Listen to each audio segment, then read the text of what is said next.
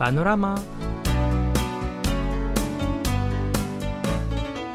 أيها الأصدقاء نحييكم بآخر تحية القلبية في آخر يوم من شهر أكتوبر من عام 2022 نعم لعلكم سمعتم بأخبار الحادث المأساوي الذي حدث نتيجة التدافع خلال الاحتفال بالهالوين في منطقة إيتيوان وسط العاصمة سيول ليلة يوم السبت الماضي والذي خلف عشرات القتلى والجرحى.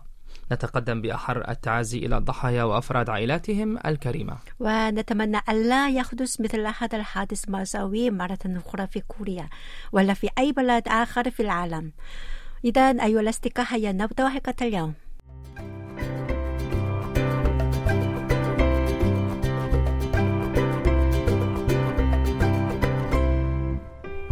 مرحبا أيها الأصدقاء.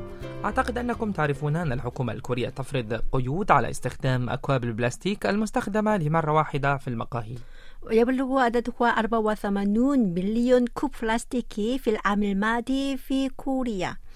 فأي أن كل مواطن واحد قد استهلك 160 كوبا في العام الماضي. نعم ولتقليل استخدام أكواب البلاستيك أعلنت الحكومة عن خطة فرض 300 وون كوري كمبلغ ضمان يجب على المستخدم دفعه في المقهى. ونتيجة لنقص الاستعدادات وشكاوى شديدة من قبل المقاهي فقد تم تأجيل موعد تطبيق هذا النظام من شهر يونيو إلى مطلع شهر ديسمبر أي بعد شهر واحد تقريبا. نعم سوف يبدأ تطبيق النظام في مدينة سيجونغ الإدارية وجزيرة جيجو كتجربة في هذه المدن عندما نطلب أي مشروب بكوب بلاستيكي في مكة أو مطعم خاص بوجبة الطعام سريع علينا أن ندفع 300 وون كوري بالإضافة إلى مبلغ المشروب نعم وعندما نعيد الكوب البلاستيكي إلى المقهى سوف نسترجع هذا المبلغ مرة أخرى فهل تقلل هذه الإجراءات الجديدة من استهلاك 84 بليون كوب سنويا؟ إذا هيا نضرب مثلا أي 64% هذا رقم هو نسبة إعادة استخدام الزجاج عندما مثلا يشتري أي مستهلك نوع من الخمر مثل البيرة في المحل فيجب عليه دفع مبلغ ضمان بمقدار ما بين 70 و 350 وون كوري. نعم وعندما نسترجع الزجاج فنعيد هذا المبلغ. فمعنى ذلك أن 64% من الزجاج سوف يعود إلى المحل مرة أخرى بفضل هذا المبلغ. بينما في حالة مشروب المكة فإننا نسترجع حوالي 5% فقط. في حالة إعادة الكوب بلاستيكي أي نرمي 79.8 بليون كوب فقط. نعم يعني إذا فرضنا دفع مبلغ الضمان لهذا الكوب فنعتقد يعني زيادة نسبة إعادة الكوب إلى المحل مثل الزجاج. فإن تنفيذ النظام صعب ومزعج بالنسبة للمستهلك لكننا نستطيع توقع بعض الفوائد. أكيد. لكن حسب استطلاع الرأي العام فلا يزال كثير من الناس في هذه المدن لا يعرفون هذا النظام بشكل صحيح. لذلك نتوقع حدوث بعض الخلافات بين الزبائن والمقاهي خلال الفترة الأولى من بدء النظام. نعم هذا النظام يجتذب اهتمامات وسائل الإعلام العالمية. أيضا نظرا لأن كوريا تحتل المركز العاشر من بين 76 دولة من ناحية مؤشر المستقبل الأخضر من حيث تخفيض الكربون والاستدامة. من بين أسباب وضع كوريا ضمن المراكز العشرة الأولى خطتها لتنفيذ هذا النظام. معنى ذلك فإن كوريا يجب أن تقوم بتنفيذه وفي أسرع وقت ممكن. نعم ربما كوريا ستكون الدولة الوحيدة التي تنفذ هذا النوع من النظام. أعتقد كذلك. آه إن نجاح مدينة سيجون وجزيرة جيجو سيكون محركا لانتقال هذا النظام إلى المدن الكبرى الأخرى مما يؤدي إلى المساهمة في تخفيض استخدام المواد البلاستيكية. نعم لذلك نتابع الوضع بكل اهتمام. إن شاء الله. أيها الأصدقاء أنتم الآن في حلقة الاثنين من سيول بانوراما وقبل أن نواصل هيا نستريح قليلا. مع الاستماع إلى الأغنية بعنوان إلى ظهور المتعلمة وبصوت الفنانة 초승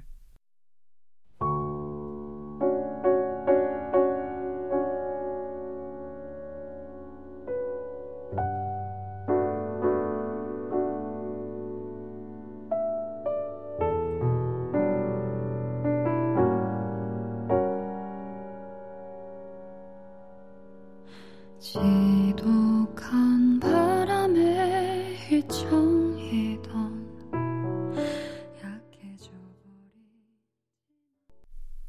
الأصدقاء إذا كنتم في كوريا أو زرتم كوريا أو شاهدتم البرامج التلفزيونية الكورية هل لاحظتم وجود بكرة الشعر التي تضعها بعض الفتيات على شعرهن في الشوارع أو داخل المترو أو الأتوبيس؟ أنا لاحظت ذلك كثيرا خاصة في هذه الأيام وحتى بين طالبات الجامعة.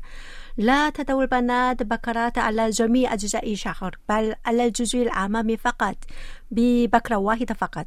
وبدأ ينتشر هذا المشهد قبل سنوات. في البداية كانت البنات يفعلن ذلك خلال فترة قصيرة أي لمدة دقائق أو ساعات في الصباح لتثبيت شكل شعر الأمامي. نعم لكن الآن أعتقد أنهن يضعن هذه البكرة طوال اليوم. كأنها يعني نوع من الإكسسوارات نعم صحيح أنا سمعت أنهن آه، يدعون تلك هذا البكرة طوال اليوم حتى في الشركات. أمام الآخرين آه، مما تسبب هذا إلا في بعض الشكاوى. يعني بعض الناس يشعرون بالقلق إذا اشتكوا لاعتبارهم عجائز أو كبار في السن من قبل يعني جيل الشباب. نعم. أنا أيضا عجوز لأنني أنا لا أوافق على انتشار هذه الظاهرة على الإطلاق. لأن تلك البكرة كنا نستخدمها في الصباح قبل الخروج من المنزل فقط ولم أستخدمها أبدا خارج المنزل حتى أمام الصديقات يعني لكن الفتيات في الجيل الجديد يندهشن من ردود الفعل هذه من قبل كبار السن لأنهن يشددن على أن وضع بكرة على الشعر لا يؤثر سلبا على الآخرين. أنا أتذكر بأن صحيفة نيويورك تايمز الإخبارية الأمريكية في العام الماضي قد سلطت الضوء على مشاهد الفتيات في الجيل الجديد في من المجتمع الكوري اللواتي يدعون هذه البكرة على جزء من شعرهن يعني حسب الصحيفة فإن بكرة الشعر تعتبر رمز لتحول الفكر نحو الجمال وإشارة أيضا إلى تمييز الجيل الجديد عن الجيل القديم. صحيح. يدعو الجيل القديم الأهمية على النتيجة أكثر من المرحلة أي المظهر الخارجي الجاهز للخروج من المنزل. نعم صحيح. بينما يضع الجيل الجديد أهمية على المرحلة أكثر من النتيجة. مم، أعتقد ذلك. فما رأيكم أيها الأصدقاء في هذا الموضوع؟ إذا دعونا الآن نستريح قليلا ونهديكم هذه الأغنية بعنوان تابجانغ أي الإجابة وهي بصوت الفنان كيم دونغ يول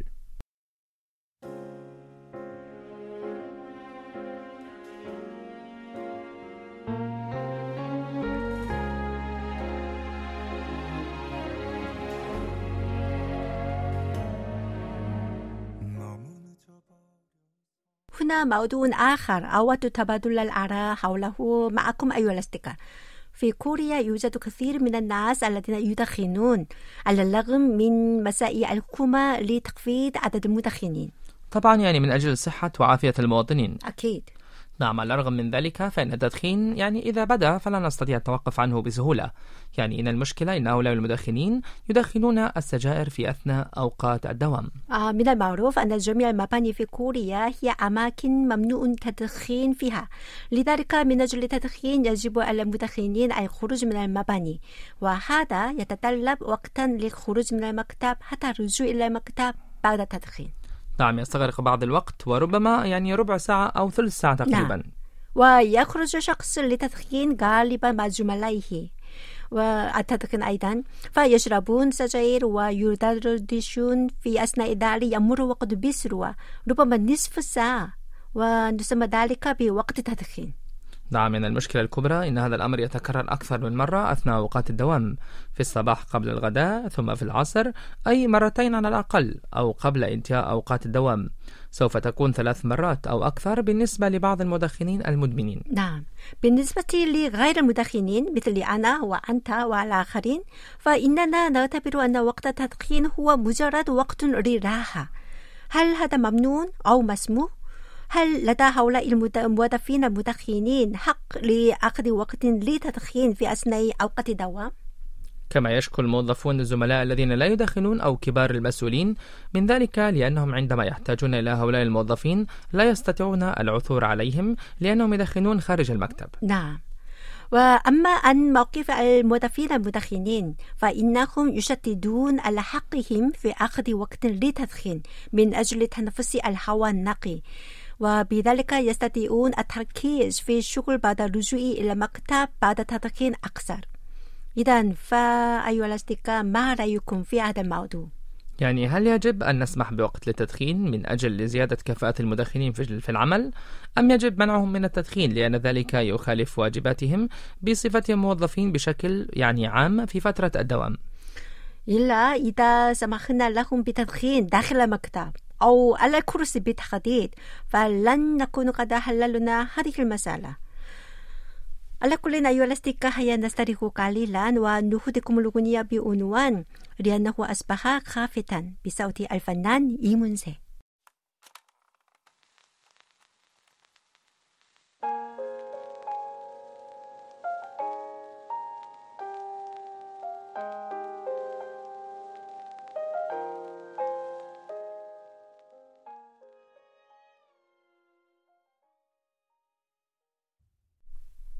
أيها الأصدقاء هناك سيد كيم وهو طالب في السنة الأولى في الجامعة ويحلم أن يكون مديرا في ترويج في المستقبل. ومنذ التحاقه بالجامعة فتح حسابا على الإنترنت بشأن أنشطته. نعم حيث يعرف أنواع أنشطته الجامعية وخارج الجامعة خاصة بشأن أنشطته في ترويج منتج أو شركة ما باستمرار. لأنه يخطط لاستخدام حسابه والمحتويات كحافظة عند تقديمه للطلب للحصول على عمل في شركة بعد التخرج من الجامعة. ويوجد أيضا طالب جامعي آخر يقوم بنشاط فعال مثله ولديه 25 ألف متابع على حسابه. ويعتقد أن هذه السجلات سوف تساهم في حصوله على وظيفة في المستقبل. هكذا يزداد عدد الطلاب الجامعيين الذين يقومون بأنشطة إيجابية على مواقع الإنترنت لتسجيل جميع أنشطتهم. لأنه مثل هذا الحساب على الإنترنت أصبح من بين المتطلبات اللازمة في التوظيف. نعم في الحقيقة فإن عدد من المؤسسات هذه الأيام تطلب حسابات الموظف على شبكات التواصل الاجتماعي للمتقدمين. بتفاصيل. فتطلب المؤسسات كتابة عدد المتابعين وعدد الزائرين اليومي مع عنوان الحساب في السيرة الذاتية. إذا كنت تقوم بنشاط إيجابي على حسابك فاعلم أنك سوف تحصل على فرص عمل بسهولة. نعم الحمد لله. وتلبية لهذا الطلب يسعى الطلاب لتقاسم والتبادل فيما بينهم حول زيادة عدد المتابعين والزيارات المتبادلة. لكن لكن ينصح الخبراء بالتركيز على إبداء شخصيتنا ومجالات اهتمامنا أو مميزاتنا بشكل صريح بدلا من تسجيل الأنشطة الخارجية الرامية إلى الحصول على فرص عمل فقط. طبعا هذا مهم. يعني ماذا تسجلين على حسابك أنت؟ أنا أحب مشاهدة الأفلام فأنا أسجل المحتويات المتعلقة بالأفلام أو روايات. لكن لا أعتقد أن تلك المحتويات تساعدني في البحث عن العمل لكن في المستقبل من يدري أتمنى ذلك. أنا أعرف أنك تسجل هذه المحتويات المتعلقة بممارسة الرياضة نعم يعني ممارسة الرياضة والطعام. نعم أحيانا ربما إن شاء الله تساعد ذلك نعم إن شاء الله ولكن يعني بصراحة بالنسبة لي فقط هواية يعني. ليس الحمد لله الحمد لله